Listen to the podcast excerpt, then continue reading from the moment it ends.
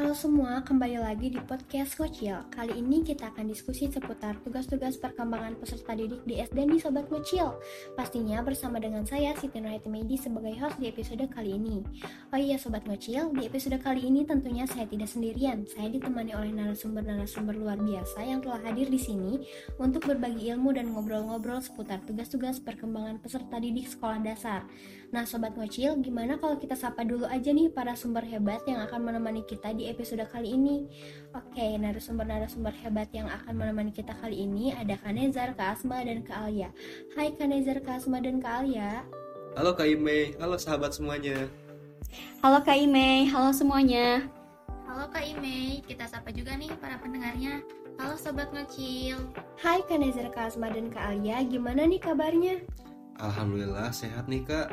Kak Ime gimana nih kabarnya? Sehat, Alhamdulillah. Stay safe and stay healthy ya Sobat Ngocil. Nah, Kanezar, Kak Asma, dan Kak Alia ini adalah narasumber kita untuk menjelaskan terkait dengan tugas-tugas perkembangan peserta didik sekolah dasar yang pastinya sudah nggak perlu dilakukan lagi ya untuk memberikan pengetahuannya tentang tugas-tugas perkembangan peserta didik sekolah dasar. Nah, karena kita udah kenalan nih dengan narasumber kita, gimana kalau kita dengarkan langsung aja nih penjelasan dari Kanezar, Kak Asma, dan Kak Alia tentang tugas-tugas perkembangan peserta didik di sekolah dasar, khususnya menurut Robert G. Havikhurst, Elizabeth B. Harlock, dan menurut Erik Erikson. Oke, sebelum kita ngobrol-ngobrol lebih lanjut terkait topik tersebut, menurut Kanezar, Kak Asma, dan Kak Alia, sebenarnya hakikat dari tugas-tugas perkembangan itu apa sih, Kak? Baik Kak Ime, jadi tugas-tugas perkembangan itu adalah tugas-tugas yang harus dilakukan, dipecahkan, dan diselesaikan oleh setiap individu dalam ta setiap tahap-tahap perkembangannya, agar individu tersebut menjadi bahagia. Betul sekali Kak Asma. Jadi, apabila seseorang tidak dapat menyelesaikan tugas-tugas perkembangan dalam batas periode perkembangan dengan baik, orang tersebut akan merasa kurang bahagia dan mendapat kesulitan dalam menghadapi tugas-tugas atau pola tingkah laku periode berikutnya. Wah, sudah sangat jelas ya Sobat Ngocil penjelasan dari Kak Asma dan Kak Alia. Jadi bisa kita simpulkan bahwa tugas-tugas perkembangan itu adalah sesuatu tugas yang timbul pada periode tertentu dalam kehidupan seseorang. Oke, sekarang gimana kalau kita dengarkan langsung aja nih penjelasan dari narasumber kita tentang tugas-tugas perkembangan peserta didik sekolah dasar menurut Robert J. Havikhurst terlebih dahulu. Baik, sebelumnya saya akan bertanya pada Kanezar dulu nih. Menurut Kanezar, bagaimana sih tugas-tugas perkembangan peserta didik sekolah dasar menurut Robert G. Havikhurst. Oke, terima kasih Kak Ime. Nah, teman-teman, tugas perkembangan Robert T. Havikhurst adalah tugas yang muncul pada atau sekitar kehidupan individu tertentu. Pencapaian yang sukses yang mengarah pada kebahagiaan dan keberhasilan dengan tugas-tugas selanjutnya. Sementara kegagalan menyebabkan ketidakbahagiaan pada individu, ketidaksetujuan masyarakat, dan kesulitan dengan tugas-tugas selanjutnya.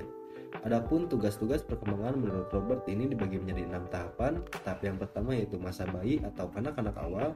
Tugas perkembangan pada masa ini adalah belajar berjalan, belajar makan makanan yang padat, belajar berbicara, belajar mengendalikan buang air besar dan kecil, belajar membeda-bedakan jenis kelamin dan menghargainya, memperoleh keseimbangan fisiologis dan menyusun konsep-konsep sederhana seperti realitas sosial dan realitas fisik. Lalu ada masa-masa kanak masa kanak-kanak akhir Tugas perkembangan pada masa ini adalah belajar keterampilan fisik yang diperlukan dalam permainan ringan atau mudah, membentuk sikap-sikap yang sehat terhadap dirinya demi keperluan organismenya yang sedang tumbuh, belajar bergaul dan bermain dengan teman-teman seusianya, mulai menemukan peranan sosial yang cocok bagi dirinya sendiri sebagai pria ataupun wanita, dan mengembangkan keterampilan dasar seperti membaca, menulis, dan begitu. Lalu ada masa remaja. Tugas perkembangan pada masa ini adalah menjalin hubungan baru dengan teman sebaya baik sama jenis maupun lawan jenis, menerima keadaan fisiknya, dan menerima peranannya sebagai pria atau wanita, dapat berperilaku yang dapat diterima di masyarakat, memperoleh kebebasan secara emosional dari orang tua dan orang dewasa lainnya, dan menyiapkan karir dalam bidang ekonomi dengan sesuatu jabatan atau pekerjaan. Lalu ada masa dewasa awal. Tugas perkembangan pada masa ini adalah mendapatkan suatu pekerjaan, memilih pasangan hidup, belajar untuk hidup bersama sebagai suami istri, mulai hidup berkeluarga dan mengasuh dan membimbing anak. Lalu ada masa setengah baya, tugas perkembangan pada masa ini adalah mencapai kedewasaan bertanggung jawab terhadap masyarakat dan negara, membimbing anak-anak remaja untuk mampu bertanggung jawab dan berbahagia kelak bila dewasa, mengembangkan kegiatan-kegiatan pengisi waktu kosong sesuai dengan keahlian dan keinginan, menciptakan hubungan suami istri yang serasi, menerima dan menyesuaikan diri dengan adanya perubahan fisiologis pada usia tengah baya. Lalu yang terakhir ada masa tua atau usia lanjut. Tugas perkembangan pada masa ini adalah siap menghadapi keadaan menurunnya kondisi fisik dan kesehatan, siap untuk mengalami penurunan pendapatan, siap untuk menghadapi kematian, suami ataupun istri, membina hubungan yang baik dengan anggota sekelompok usianya, memelihara kondisi fisik agar tetap sehat. Baik, terima kasih Kak Nezar atas penjelasannya yang sangat rinci sekali ya mengenai tugas-tugas perkembangan menurut Robert T. Hurst, di mana Robert ini memperkenalkan teorinya tentang tugas-tugas perkembangan yang meliputi keahlian, pengetahuan, fungsi, atau sikap yang biasanya diperoleh oleh individu selama masa kehidupan tertentu. Oke, sekarang kita coba berbincang dengan Kak Asma mengenai tugas-tugas perkembangan menurut Elizabeth B. Harlock. Menurut Kak Asma, bagaimana sih tugas-tugas perkembangan menurut Elizabeth B. Harlock ini? Baik Kak Imei. Nah, sekarang ini kita membahas mengenai tugas-tugas perkembangan menurut Elizabeth B. Harlock. Ya, teman-teman, jadi Harlock ini menyebutkan tugas-tugas perkembangan itu sebagai social expectation, yang artinya setiap kelompok budaya itu mengharapkan anggotanya menguasai keterampilan tertentu yang penting dan memperoleh pola perilaku yang disetujui oleh berbagai usia sepanjang rentang kehidupan. Halok membuat rumusan tugas perkembangan itu menjadi 10 tahapan. Yang pertama, masa sebelum lahir. 9 periode prakelahiran ialah saat dari pembuahan hingga kelahiran. Kemudian ada masa bayi. Masa bayi adalah masa yang sangat bergantung pada orang dewasa. Banyak kegiatan psikologis yang terjadi hanya sebagai permulaan seperti bahasa, pemikiran simbolis, koordinasi sensori motor, dan belajar sosial. Selanjutnya ada masa kanak-kanak yang dimulai dari 2 sampai 6 tahun, yaitu periode perkembangan yang merentang dari masa bayi hingga usia 5 atau 6 tahun. Periode ini biasanya disebut dengan periode prasekolah. Selanjutnya ada masa kanak-kanak dimulai dari 6 sampai 12 tahun. Periode ini biasanya disebut dengan tahun-tahun sekolah dasar.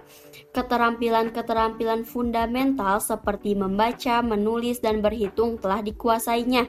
Selanjutnya juga ada masa remaja yang dimulai dari 15 sampai 21 tahun. Pada perkembangan ini pencapaian kemandirian dan identitas sangat menonjol dan semakin banyak menghabiskan waktu di luar keluarga.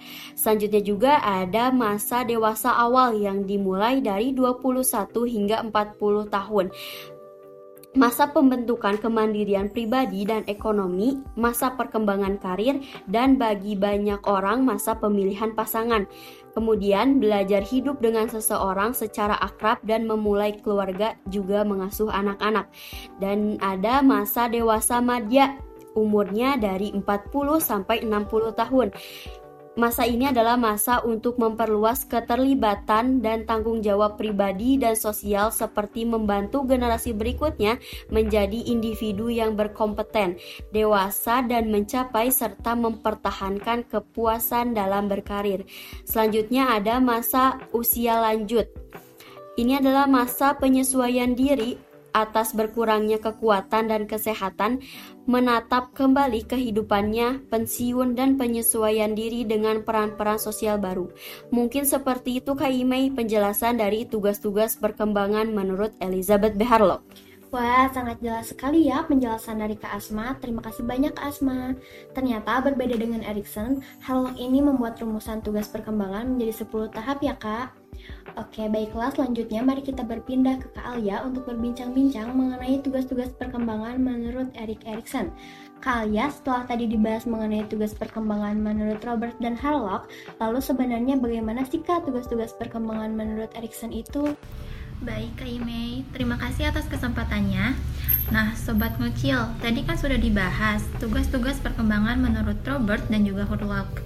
Sekarang yang terakhir, saya mau membahas nih tugas-tugas perkembangan menurut Erikson. Erikson ini menyatakan bahwa pertumbuhan manusia berjalan sesuai prinsip epigenetik yang menyatakan bahwa kepribadian manusia berjalan menurut delapan tahap. Berkembangnya manusia dari satu tahap ke tahap berikutnya ditentukan oleh keberhasilannya atau ketidakberhasilannya dalam menempuh tahap sebelumnya. Nah, Erikson ini menerus, merumuskan tugas perkembangan itu menjadi delapan tahap. Yang pertama, fase bayi dari 0 sampai dengan 1 tahun. Aktivitas utama yang dilakukan pada fase ini adalah ketergantungan pada ibu dan mengekspresikan rasa frustasinya. Lalu yang kedua ada fase kanak-kanak mulai dari 18 bulan sampai dengan 3 tahun. Aktivitas utama yang dilakukan pada fase ini adalah bicara, berjalan, harapan yang menonjol, dan mulai belajar untuk menunda kesenangan. Yang ketiga ada fase awal anak kecil dari 3 tahun sampai dengan 5 tahun. Aktivitas atau perilaku utama yang menonjol pada fase ini adalah bertambahnya kosakata yang dikuasai dan mulai melakukan interaksi dengan kelompok sebaya. Lalu selanjutnya ada fase anak kecil dari 5 sampai dengan 13 tahun. Pada fase ini, sang anak cenderung lebih aktif secara fisik dan lebih kompetitif sehingga mereka lebih menyukai aktivitas yang bersifat kompetitif seperti olahraga dan juga games. Lalu selanjutnya ada fase remaja dari 13 sampai dengan 21 tahun. Nah, fase ini adalah fase yang paling banyak menghabiskan tenaga bagi orang tua karena pada saat ini krisis utama yang dihadapi adalah identitas versus kekacauan peran. Selanjutnya ada fase dewasa dari 21 tahun sampai dengan 40 tahun. Krisis yang dialami yaitu keintiman versus isolasi, di mana pada fase ini orang tersebut sedang berusaha mencari pasangan atau justru menjauhkan dirinya dari berbagai macam hubungan. Selanjutnya ada fase parubaya dari 40 sampai dengan 60 tahun. Hal utama yang dilakukan pada fase ini umumnya adalah sibuk membuat ide untuk generasi masa depan dan mencapai tujuan hidupnya. Dan yang terakhir ada fase lansia dari 60 tahun ke atas. Aktivitas utama yang paling disenanginya adalah berbagi pengalaman sehingga mereka akan sangat senang jika ada teman bicara. Nah, mungkin seperti seperti itu KM Nah, mungkin seperti itu Kak Ime yang bisa saya jelaskan mengenai tugas-tugas perkembangan menurut Erik Erikson. Wah, wah, wah, ternyata sangat lengkap sekali ya yang dijelaskan oleh Kak Alia. Ternyata ada banyak sekali tahapan-tahapan dari tugas perkembangan peserta didik ya Sobat Ngocil. Menarik sekali bukan perbincangan kita kali ini? Nah, Sobat Ngocil juga jadi semakin bertambah nih wawasan pengetahuan dan ilmunya.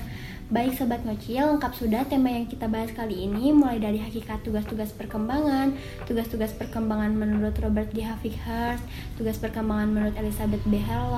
Dan juga yang terakhir tugas-tugas perkembangan peserta didik menurut Erik Erikson.